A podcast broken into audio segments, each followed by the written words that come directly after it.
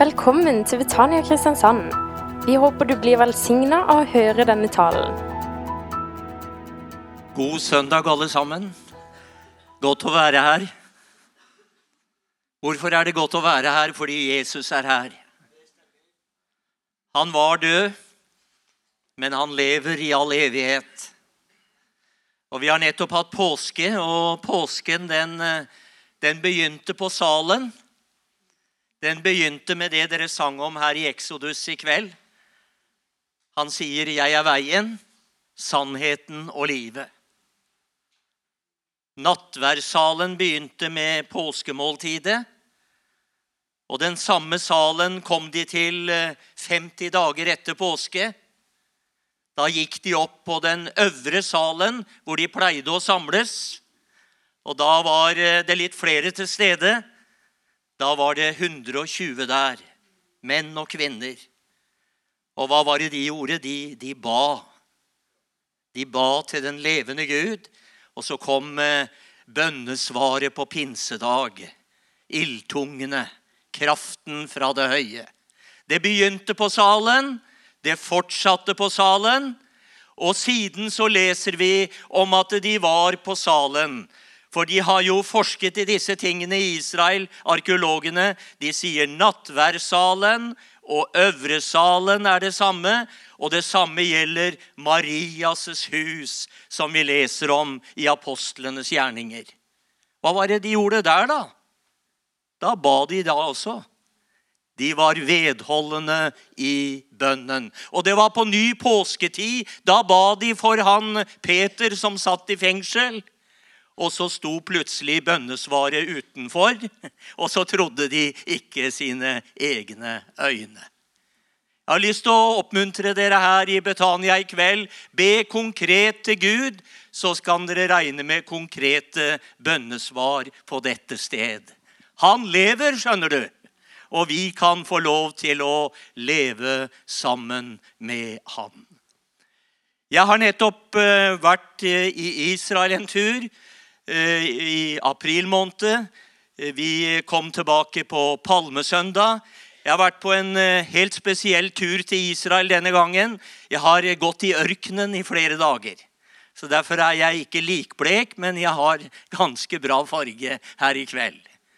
Og det passer jo med Exodus, for når de kom ut av eh, Egypten og fangenskapet der, hvor de hadde vært i over 400 år, så havner de ute i ørkenen. Men Herren kan være der også.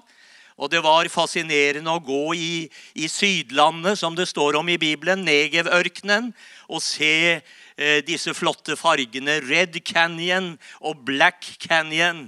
Vi så en, en, treskeplass som er den eldste de har funnet i hele verden. Vi så steder der de fanget tigre og bjørner og løver i sin tid. Det var en helt spesiell Israel-reise eh, denne gangen. Eh, Israel har jeg vært opptatt av i mange år. Jeg ble frelst i 1967. Så da vet du, jeg har vært frelst i 52 år, som det ble sagt. Og Så møtte jeg kona mi, og hun, eh, hun, kom rett fra Israel når jeg møtte henne. Så derfor har jeg vært veldig opptatt med dette folket og dette landet. Og For bevegelsen Nord og Israel har jeg reist nå i 20 år og forkynt rundt omkring i hele Norge. Så jeg har med meg dette bladet her i kveld. Jeg vil anbefale deg å ta med et nummer. Gjerne bli abonnent på det. Koster 100 kroner i året. Og Her står det om dette arbeidet vi er opptatt med i Israel. Det er å hjelpe immigrantene som kommer til landet. Det er tusener på tusener hvert eneste år. og Mange av dem er veldig fattige, og de trenger hjelp til å få seg bolig, få seg arbeid og slå røtter i Israel. Vi støtter en broder som heter Ariel Frøytland. Han har arbeidet blant jødene i noen og 30 år nå. og vi hadde han med på denne turen. Han er nå nyutdannet guide. For han brenner for å hjelpe dem, ikke bare materielt, men også åndelig. Og Ariel han sier til meg de første årene jeg var i Israel, så var det en sjeldenhet at en jøde overga seg til Gud. Men sist år så fikk han be med 30 mennesker til frelse. Så det er noe som skjer på den åndelige fronten. Eh, tidlig på 1960-tallet var det én messiansk menighet i Israel. Nå er det 300 slike menigheter. Og Det forteller oss det skal skje store og underfulle ting der det hele begynte. For det begynte ikke i Kristiansand, men det har bredt seg til Kristiansand. Men det begynte midt på kloden, på selve navlen. Det var der det hele begynte. Der sto Jesus opp fra de døde etter at han hadde sonet all vår synd. Derfra dro han til himmelen. Og dit kom ånden på pinsedag, og Jesus skal tilbake til den byen en dag. Så Israel er veldig sentralt i Guds ord. Så hvis ikke du får med deg noe av det, så har du ikke forstått mye av Bibelen. Det står ikke nevnt Norge en eneste gang. Jeg har ikke funnet det. Men du, hvor mange ganger det står om Israel og om Jerusalem. Og Gud må ha en hensikt med dette her. Og det er viktig at vi får tak i selve hensikten. Vi driver barmhjertighetsarbeid, vi driver bibelspredning. Vi tror at jødene trenger en hel bibel, akkurat som deg og meg. At ikke bare frelsen kommer fra jødene, men at frelsen også gjelder jødene. Og vi støtter Bibelinstitutt i Natanya, som utruster arbeidere for Guds rike det er 120 studenter ved det instituttet akkurat nå. Og 60% av dem er jøder, og 40% er arabere. Og Vi er også med og støtter arabere i Israel, for Gud er glad i dem også. Han er glad i alle mennesker. Så vi støtter broder Naim Kori i Betlehem, som er et frimodig vitne for Jesus. Broren hans led martyrdøden for Jesus. Og eh, Naim Kori han er blitt beskutt mange ganger, men han fortsetter sin virksomhet. Første baptistkirke i Betlehem by. Og der gjaller evangeliet ut fra hustaket. Det er eh, Allah-rop der også, fra mange hustak, men eh, Naim Kori er frimodig. Kunne du tenke deg å være med å støtte et sånt arbeid som jeg har sagt noen få ord om nå, så bli gjerne medlem av bevegelsen vår Ordet og Israel. Vi kommer fra ulike kristne leire i Norge, og vi er veldig opptatt av at profetordet må nå ut til menighetene. Og så er vi opptatt med at evangeliet må nå ut til Israel. Jeg har skrevet en del om disse ting også, så et par hefter eh, har du muligheter til å få kjøpt her i kveld. Ja, jeg må dele litt om Israel til dere også. I går hadde jeg møter i flere timer fra 11 på formiddagen til 4 på ettermiddagen. Det var eh, i Søgne misjonskirke, og det var eh, flott opplevelse å være der. Og i kveld så skal vi lese et avsnitt fra Romerbrevet nettopp om dette spesielle folket Israel. Vi skal eh, slå opp i det niende kapittel i Romerbrevet. Og så skal vi lese noen vers der. Jeg sier sannhet i Kristus. Jeg lyver ikke.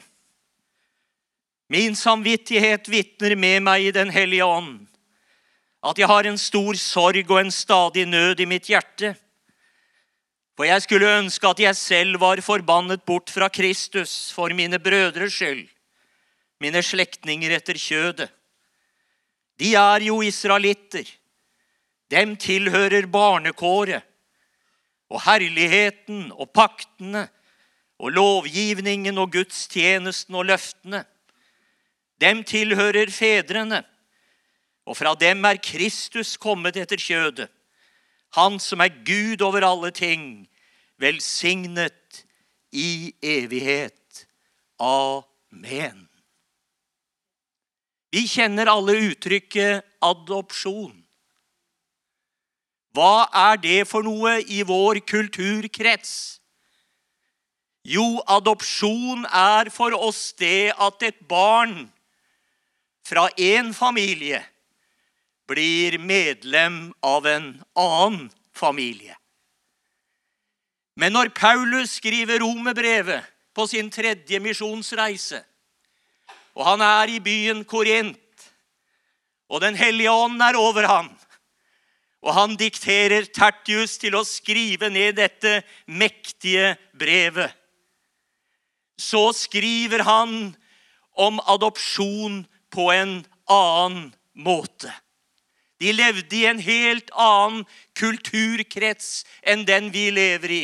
Og det å bli adoptert i Romerriket, det innebar at eh, et barn i familien ble adoptert til å bli sønn i familien når han nådde myndighetsalderen. Det er viktig å få tak i dette her når du leser din bibel. Det er nemlig forskjell på å være barn og på å være sønn. Det er ikke noe forskjell i slektskap, men det er forskjell i stilling. Så hvis vi hørte uttrykket at et firma het Halvorsen og barn, så ville vi smile. Men at vi sier at et firma heter Halvorsen og Sønn, så smiler vi ikke. Da skjønner vi at det kan være en realitet. Det er grunnleggende forskjell på å være barn og sønn. Ikke i slektskap, men i stilling. Derfor sa aldri Gud fra himmelen 'Dette er mitt barn, den elskede'.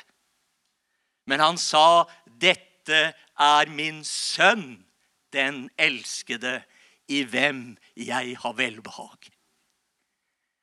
Og Skal vi forstå dette avsnittet jeg har lest for dere her i kveld, så er det viktig at vi får tak i nettopp det jeg er inne på nå.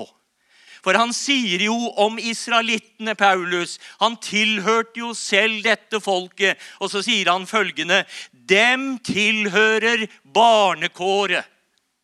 Og det ordet som opprinnelig står der i grunnteksten, det heter høyotesia.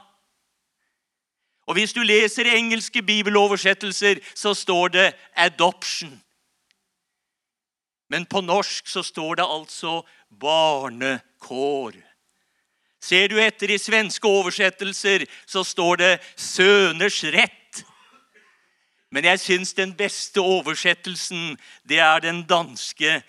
Der står det 'Dem tilhører sønneutkårelsen'. Israel er utkåret av Gud selv til å være et folk som står i et sønneforhold til Gud. Det er et utvalgt folk.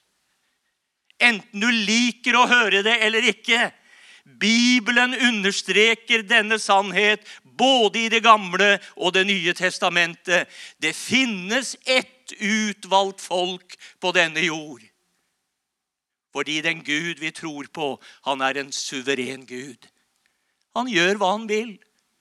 Han spør ikke mennesker til råds eller engler til råds om hvordan han skal handle i historien. Men han gjør det sånn som Frank Sinatra synger i sangen I did it my way. Han gjør det på sin måte. Ikke på din og min, men på sin måte så gjør han det i historien. Og Nå har jeg lest for dere fra en bok som vi kaller Bibelen. Og det er ingen norsk bok, det er en jødisk bok. Det er 66 bøker, og det er 40 skribenter til den boka. Og alle som skrev det ned, inspirert av Den hellige ånd, var jøder, unntatt Lukas, som skrev to bind i boka. Men han levde i den jødiske kulturkretsen, han også. Det understreker for meg det han sier i romerbrevet. Guds ord ble dem betrodd. Så det ble gitt i Israel. Og så er det oversatt til andre språk, og så får vi nordmenn vi får nyte godt av Bibelen og lese høyt fra den på møtet her i kveld. Men det kommer ikke opprinnelig fra oss. Det kommer gjennom en kanal som heter Israel. Og på samme måte som Bibelen kommer gjennom Israel, så kommer Frelseren gjennom Israel. Det sto jo over hodet hans på Golgata kors. det. Dette er Jesus fra Nasaret, jødenes konge. Frelsen kommer fra jødene. Det var Guds måte å gjøre det på. Det er gjennom dette utvalgte folket. Det er ikke alle som skjønner det i dag. Men vi trenger opplysning i øverste etasje, alle sammen, så vi kan forstå Skriftene så vi kan forstå Guds handlemåte, og så vi kan begynne å preke i menighetene om at den Gud vi tror på, han er en suveren Gud. Han gjør hva han vil. Var det en som skjønte det, så var det Moses. Deg har Herren utvalgt blant alle jordens folk, sier han, til å være ditt eiendomsfolk. Ikke fordi dere var større enn de andre folkene. Dere er det minste blant folkene. Men det var fordi Herren elsket dere, og fordi han ville holde den ed han hadde gitt deres fedre. Det var derfor han utvalgte dere. Så det er to urokkelige grunner til Guds utvelgelse av Israel. Det er Guds kjærlighet, og det er Guds ed. Så Israel ble sønn, og Gud ble deres far. Et helt nært og spesielt forhold. Kong David, som var fra dette folket, han sier i Salmen 65.: Salig er den du utvelger og lar komme nær, så han kan bo i dine forgårder. Det var jo nettopp det israelsfolket fikk oppleve. På tabernakelområdet, på tempelområdet, så fikk de lov til å gå til forgården med sine offerdyr, så prestene kunne slakte dem der, og de kunne stå i et rett forhold til Gud. Og det var Israels prester som fikk lov til å gå litt lenger inn på dette hellige området, i den avdelingen som het Det hellige. Og så var det en blant folket, ypperste presten, som på den store forsoningsdagen fikk gå inn i det innerste rommet der, inn i det aller helligste. Det var ingen andre folk som opplevde dette på jord. Det var bare Israel. Derfor taler Bibelen om det var noen som var nær ved, og så var det noen som var langt borte. Gud tenkte på oss alle når han la frelsesplanen. Gud ville velsigne alle. Det ga han tydelig beskjed om til Abraham. I deg skal alle jordens slekter velsignes. Men det skulle skje gjennom en spesiell kanal gjennom et spesielt folk og ut fra et spesielt land. Det var Guds måte å gjøre det hele på. Så det er vel gjerne et nært forhold mellom sønn og far, er det ikke det? Hvis det er helt normalt i forholdet, så blir det et nært forhold. Og det blir et forhold som er preget av kjærlighet. Profeten Hosea han sier, da Israel var ung, så hadde jeg ham kjær. Og fra Egypt så kalte jeg min sønn. Det var en mektig demonstrasjon at han elsket dette folket. Det var at han steg ned når de kom med nødropene sine og klageropene sine. Han hører bønn, skjønner du. Han hører det minste sukk, og han hørte alle sukkene og alt som steg opp fra dette folket som var i fangenskap. Og så var det han som steg ned og forløste dem. De greide ikke å, å forløse seg selv. Det var Herren som måtte gjøre det. Men han ikke bare forløste dem ifra det onde i Egypt. Han plantet dem inn i det gode landet som heter Kanan. Han ga dem en arv. Det var også uttrykk for hans kjærlighet til dette folket. Så når Gud sender Moses til farao i Egypt, så skal han bringe farao dette budskapet. Min sønn, min førstefødte, det er Israel. Har du lagt merke til det når du leser Bibelen? Det står veldig mye om å være førstefødt. Og den som var førstefødt, hadde en spesiell rett. Førstefødselsretten. Han fikk mer enn de andre. Hvis du leser om disse ting i, i engelske bibeloversettelser, så står det han fikk et dobbel portion. står det. En dobbel porsjon. Altså, han fikk dobbelt så mye som alle de andre. Og Det er faktisk Bibelens fremstilling av Guds handlemåte i historien. Det var et folk på denne jord som fikk dobbelt opp sammenlignet med de andre, og det var Israel. Det er jo derfor Paulus sier i romerbrevet Hva fortrinn har da jøden? Og så svarer han på det spørsmålet mye på alle vis. Først og fremst det at Guds ord ble dem betrodd.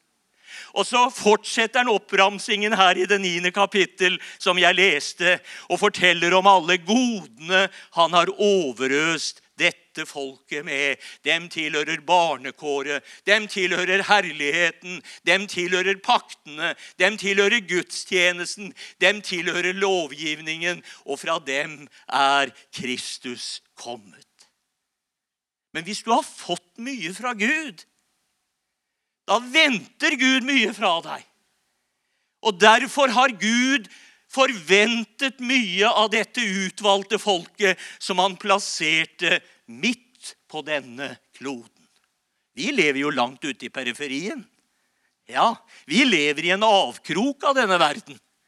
Men vår frelse ble ordnet ikke i en avkrok. Den ble ordnet i midten, ut ifra Jerusalem, ut ifra den utvalgte byen, i det utvalgte landet av den utvalgte Messias.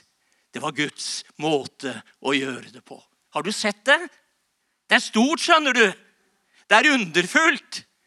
Og hvis du begynner å skue inn i denne Guds store frelsesplan, da faller du ned for Herren, og så begynner du å tilbe ham. For det er det han gjerne vil ha. Det er tilbedere. Han er ikke ute etter tilhengere. Tilhenger er noe du har etter bilen, det, vet du. Du må dra og hale på tilhengeren hele tida, for den kommer aldri frivillig. Herren er aldri ute etter proselytter. Han sa tvert imot det er fariseerne som drar over hav og land for å finne en eneste tilhenger, og så gjør han dem til et helvetes barn etterpå, sa han. Herren vil ha frivillige etterfølgere. Det er det han er ute etter, som tilber ham i ånd og sannhet. For de ser hvor stor han virkelig er. Så Gud ga mye til Israel. Dem kom nær til Herren på en spesiell måte, og han ventet mye ifra dem. Dere er mine vitner, sa han. Jeg har utvalgt dere til å være min tjener. Jeg er også blitt kalt til å være vitne. Men hvis jeg skulle stå fram og vitne for dere her i kveld, så var det helt avhengig av at jeg holdt meg på veien. For jeg kunne havna i grøfta. Hvis jeg ble for venstrevridd eller for høyrevridd, så havnet jeg i grøfta. Men når Gud tok ut Israel, så ville han at det var et folk som skulle gå på veien som han staket ut for dem. Og Hvis han merket at de begynte å, å, vike litt av til høyre og venstre, så sa han da skal jeg passe på dere. Da skal dere høre en røst bak dere som sier, 'Dette er veien. Vandre på den.' Dette hadde jeg en spesiell opplevelse med for noen år siden. Jeg har reist mye rundt i Norge. Og et sted jeg har vært mange ganger, det heter Tysse utenfor Bergen.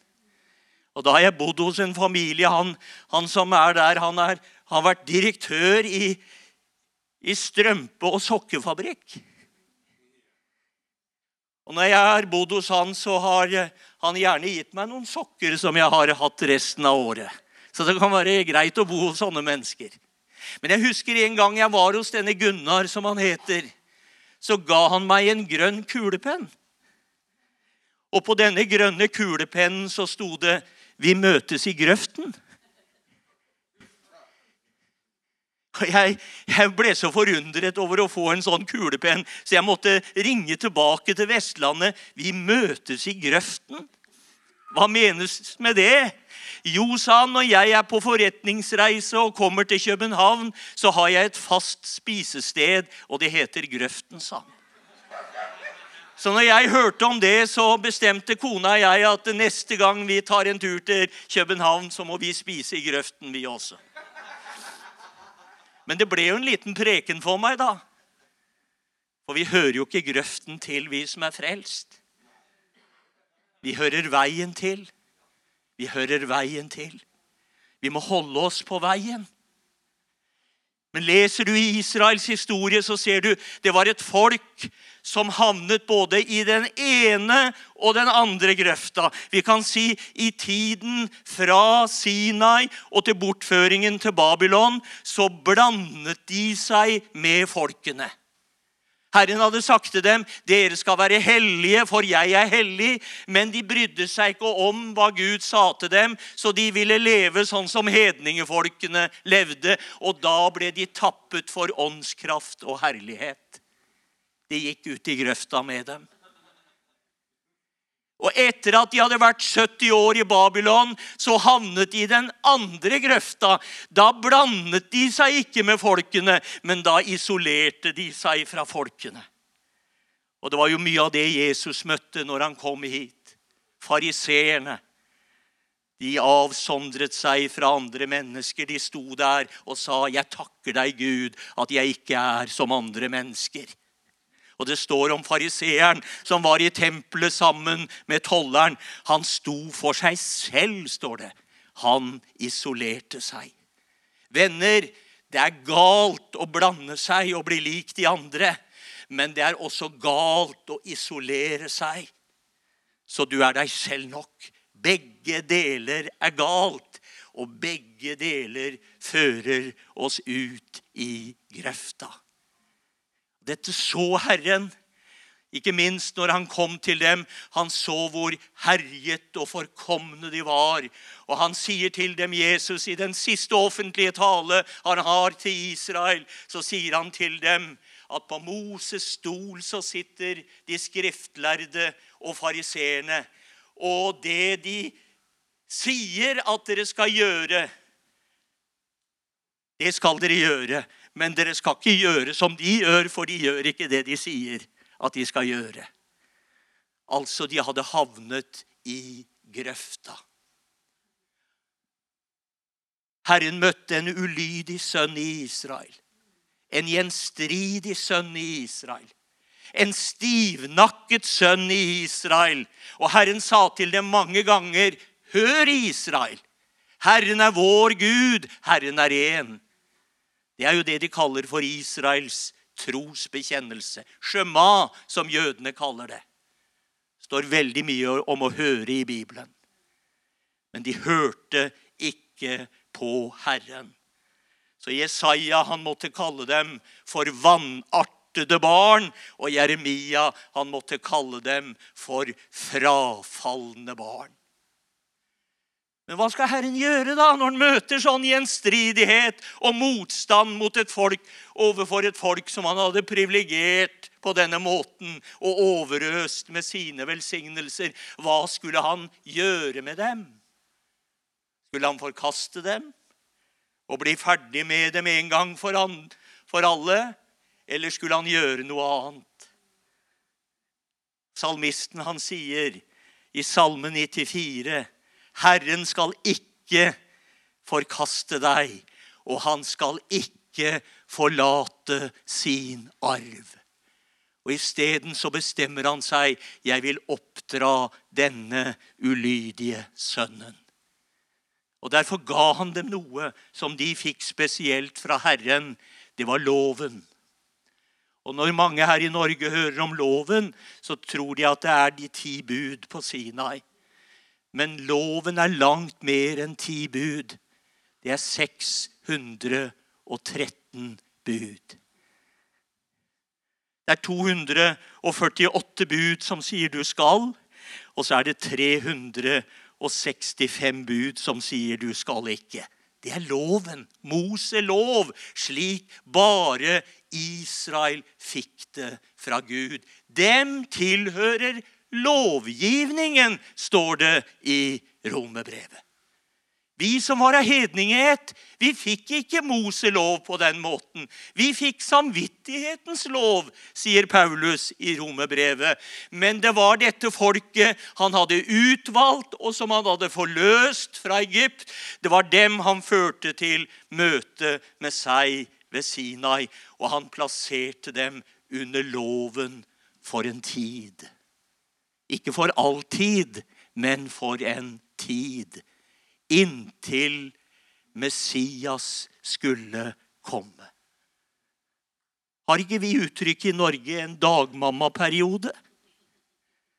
Når du begynner på skolen, så er dagmammaperioden i hvert fall over.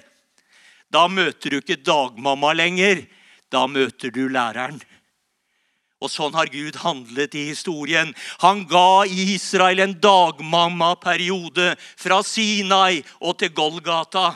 Men fra da av så er det den levende Jesus som står frem.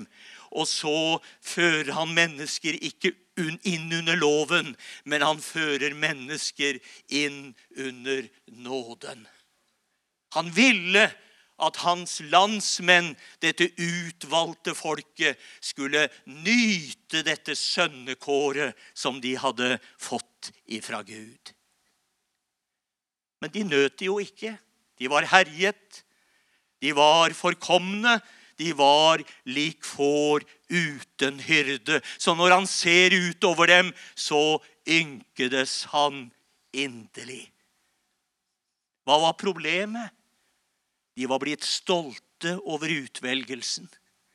Så stolte at de glemte at den utvelgelse de var gjenstand for, den var av bare nåde.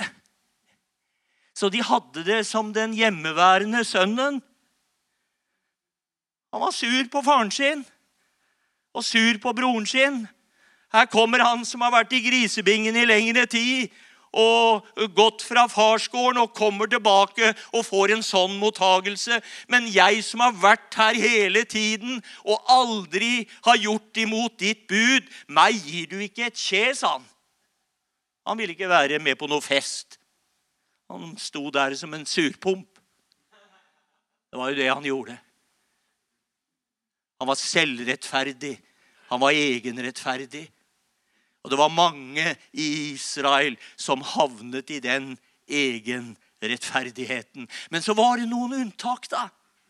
Det var noen som den bortkomne sønnen, som hadde rota livet til og kommet langt bort ifra Gud, og som begynte å våkne i grisebingen, og som sa til seg selv, 'Jeg vil stå opp og gå til min far', for jeg er ikke lenger verdig og kalles din sønn. Ble han mottatt som sønn? Ja, virkelig. Han fikk ring på fingeren. Han fikk sko på føttene. Gjøkalven ble slaktet, og det ble fest, og det ble glede på farsgården. For han innså nådens betydning. Har du gjort det, du som er her i dag? Har du innsett at du er fortapt i deg selv, som vi hørte om i sangen tidligere i møtet, og at du trenger frelse? Om du er aldri så mye besteborgerlig? Om du har vært pliktoppfyllende, mener du selv på alle punkter. Du trenger også frelse. Alle har syndet, alle har bommet, alle har feilet. Alle trenger vi å oppleve Guds frelse, så vi ser nådens betydning. Det var jo det fariseeren Paulus opplevde etter hvert. Han skulle jo fjerne de kristne, disse som talte om nåden. Han skulle fjerne dem og få dem bort fra kloden. Han skulle fjerne Jesu navnet også. Og så møter han denne Jesus som han trodde var død og begravet. Han var jo lys levende. Han møter han på vei til Damaskus. Og han taler til ham slik at hjertet blir berørt. Det står at han talte til ham på hebraisk. Det er morsmålet. Det er ikke noe som griper oss som morsmålet. Griper våre hjerter, så vi begynner å høre på Herren. Han innså nådens betydning. Han så at han var en synder som trengte frelse. Og Han skriver jo også om dette i romerbrevet. Leser vi kapitlet foran Romerne 8, så står det at han har gitt oss barnekårets ånd, ved hvilken vi roper 'Abba, far'. Vet du at frelsen begynner med et skrik? Et gledesskrik. Du oppdager hvem Gud er. Du oppdager at han som er på tronen, han er far. Han er faren din. Han har gjenfødt deg til et levende håp, og du er barnet hans. Og du har fått en sånn stilling innenfor Gud at du regnes som sønn. Så Når vi frelses venner, så behandles vi ikke som småunger i Guds øyne, men vi behandles som myndige sønner og døtre. Er du klar over det? Paulus ble klar over det. Så er du da ikke lenger trell, men sønn. Men er du sønn, da er du også arving ved Gud. Og det var et sånt sønneforhold som Israel hadde fått av Herren, men de nøt ikke dette sønneforholdet, for de begrep seg ikke på nådens betydning. Men det kommer en dag da de skal gjøre det, venner. Paulus gjorde det før tiden, kan vi si. Så det skjedde med meg som et ufullbårent foster, sier han. Han ble liksom for tidlig født før de andre. Men vi venter på Israels frelse. For Israels frelse i denne verden, det er nøkkelen til at Guds rike opprettes på denne jord. At kongen kommer tilbake og setter føttene på stedet hvor han dro ifra Oljeberget. Kong Jesus kommer ikke tilbake til denne jord før Israel er villig til å si ja til ham. Dere kommer ikke til å se meg, sier han, før dere sier Baruch haba b'shem Adonai. Velsignet være Han som kommer i Herrens navn. Men når de sier det og ønsker han velkommen, så skynder han seg å hjelpe de utvalgte til deres rett, de som har ropt til ham både dag og natt. De ropte i sin tid i Egypten, og de skal rope i endens tid også. For en stor trengsel skal gå over jorden, og de skal skjønne det eneste som kan hjelpe dem, det er da frelseren Jeshua Hamashia. Det er bare han som kan hjelpe dem. Moses så dette for tusener av år siden når du er i trengsel, alle disse ting kommer over deg, da skal du omvende deg til Herren din Gud, og så skal du høre på Hans røst. Det er det som er nøkkelen. Det er mange som tror at vi må gjøre noe for å bli frelst. Nei, du skal høre for å bli frelst. Du skal høre Guds gode nyheter. Og det er disse Guds gode nyheter som skal lyde til Israel i endens tid. De skal på ny ut i ørkenen. Det er en profet som heter Hosea, som sier det. Jeg vil lokke henne ut i ørkenen, og så vil jeg tale vennlig til henne. I sin tid fikk de høre lovens ord. I endens tid skal de få høre evangeliets ord. For loven kan ikke frelse noen. Loven kan bare fortelle hvor tilkortkomne vi er, alle sammen. Loven viser bare avstanden til Gud, men skal vi komme helt inn til Gud, så skjer det bare i kraft av evangeliet. I kraft av budskapet om Jesus. Og det er det de skal få høre på. Og da skal Herren sende mer enn tolv apostler til dem. Han skal sende 12 000. av Israels tolv stammer. 144 000 beseglede vitner, antent av Herrens eld, skal sendes ut i endens tid. Og det skal bli en stor høst for Guds rike i Israel. Og han skal reise opp to vitner i Jerusalem også. Jeg tror det er Moses og Elias som kommer igjen disse eh, hellige tjenere fra gammel tid. De blir liksom ikke ferdig første gang de var her. Plutselig så forsvant de. Herren begravde Moses, står det. Og når det gjaldt Elias, så ble han tatt opp i ildvogner til himmelen. De fikk ikke fullført sin tjeneste, men de skal gjøre det i endens tid. Og de skal gjøre det overfor Israel. De skal vende om til Herren. Hva er det som driver oss til omvendelse? Det er Guds godhet. De skal få høre om Guds godhet. Hvem har hørt slike ting? Hvem har sett slikt? Et land kommer til verden på en dag, og et folk blir født på en gang. Et helt folk skal fødes på en gang, og da skal de se opp til Jesus. De skal ikke ringeakte ham og akte ham for intet, sånn som de gjorde første gang, men de skal se opp til ham. Og da faller ånden over dette folket. Og det blir et mektig vitnesbyrd for alle folk på denne jord. Det har ikke vært lett å være jøde til i dag. Det kommer dager da det skal bli lettere. Da andre folk skal si 'Vi vil gå med dere', for vi skjønner at Gud er med dere. Da har de vendt seg til redningsmannen Jesus. Så det er ikke Amerika som skal redde Israel. Det er ikke Europa som skal redde Israel. Det er ikke Israels venner som skal redde Israel. Det er Jesus som skal redde Israel. Det sa engelen til Josef. Du skal kalle ham Jesus, for han skal frelse sitt folk fra deres synder. Det var han som frelste meg, og det var han som skal frelse Israel i endens tid. Og Før så har de mange ganger vært til spott for Guds navn, enda det er folket som bærer Guds navn. Har du tenkt på det? Det er det eneste folk som bærer Guds navn i seg. Israel. Hva er EL? Det er kortformen til det første navnet på Gud i Bibelen, Elohim. Så Guds navn er integrert i Israels navn. Derfor står det i Jesaja 43.: Dere, mine sønner og døtre, som bærer mitt navn. Det er bare ett folk som gjør det. Og dette folket skal få møte sin Gud. Det blir det første kristne folk på denne jord. Det blir Israel. De skal bøye seg for Herren og si, 'Herren, han er Gud. Herren, han er Gud.'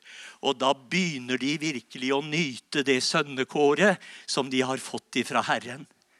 Og det blir ikke bare et sånn nasjonalt eh, sønnekår som de nyter da, men det blir et personlig sønnekår de nyter. De skal ikke si til hverandre 'Kjenn Herren', for alle skal kjenne ham både de små og de store, sier Herren. Så spør jeg deg, du som er i Betania i kveld, nyter du godt at du er sønn og datter i Guds hus? Nyter du godt av det, eller er du fremmed for det jeg har talt om her i kveld? Er du fremmed for det, så kan du bli kjent med dette her, og du kan få vokse i nåden og i kjennskapet til Jesus. Amen. Og alt folket sa amen. Du har nå hørt en tale fra Betania Kristiansand. For mer informasjon kan du besøke våre hjemmesider på betaniakrs.no.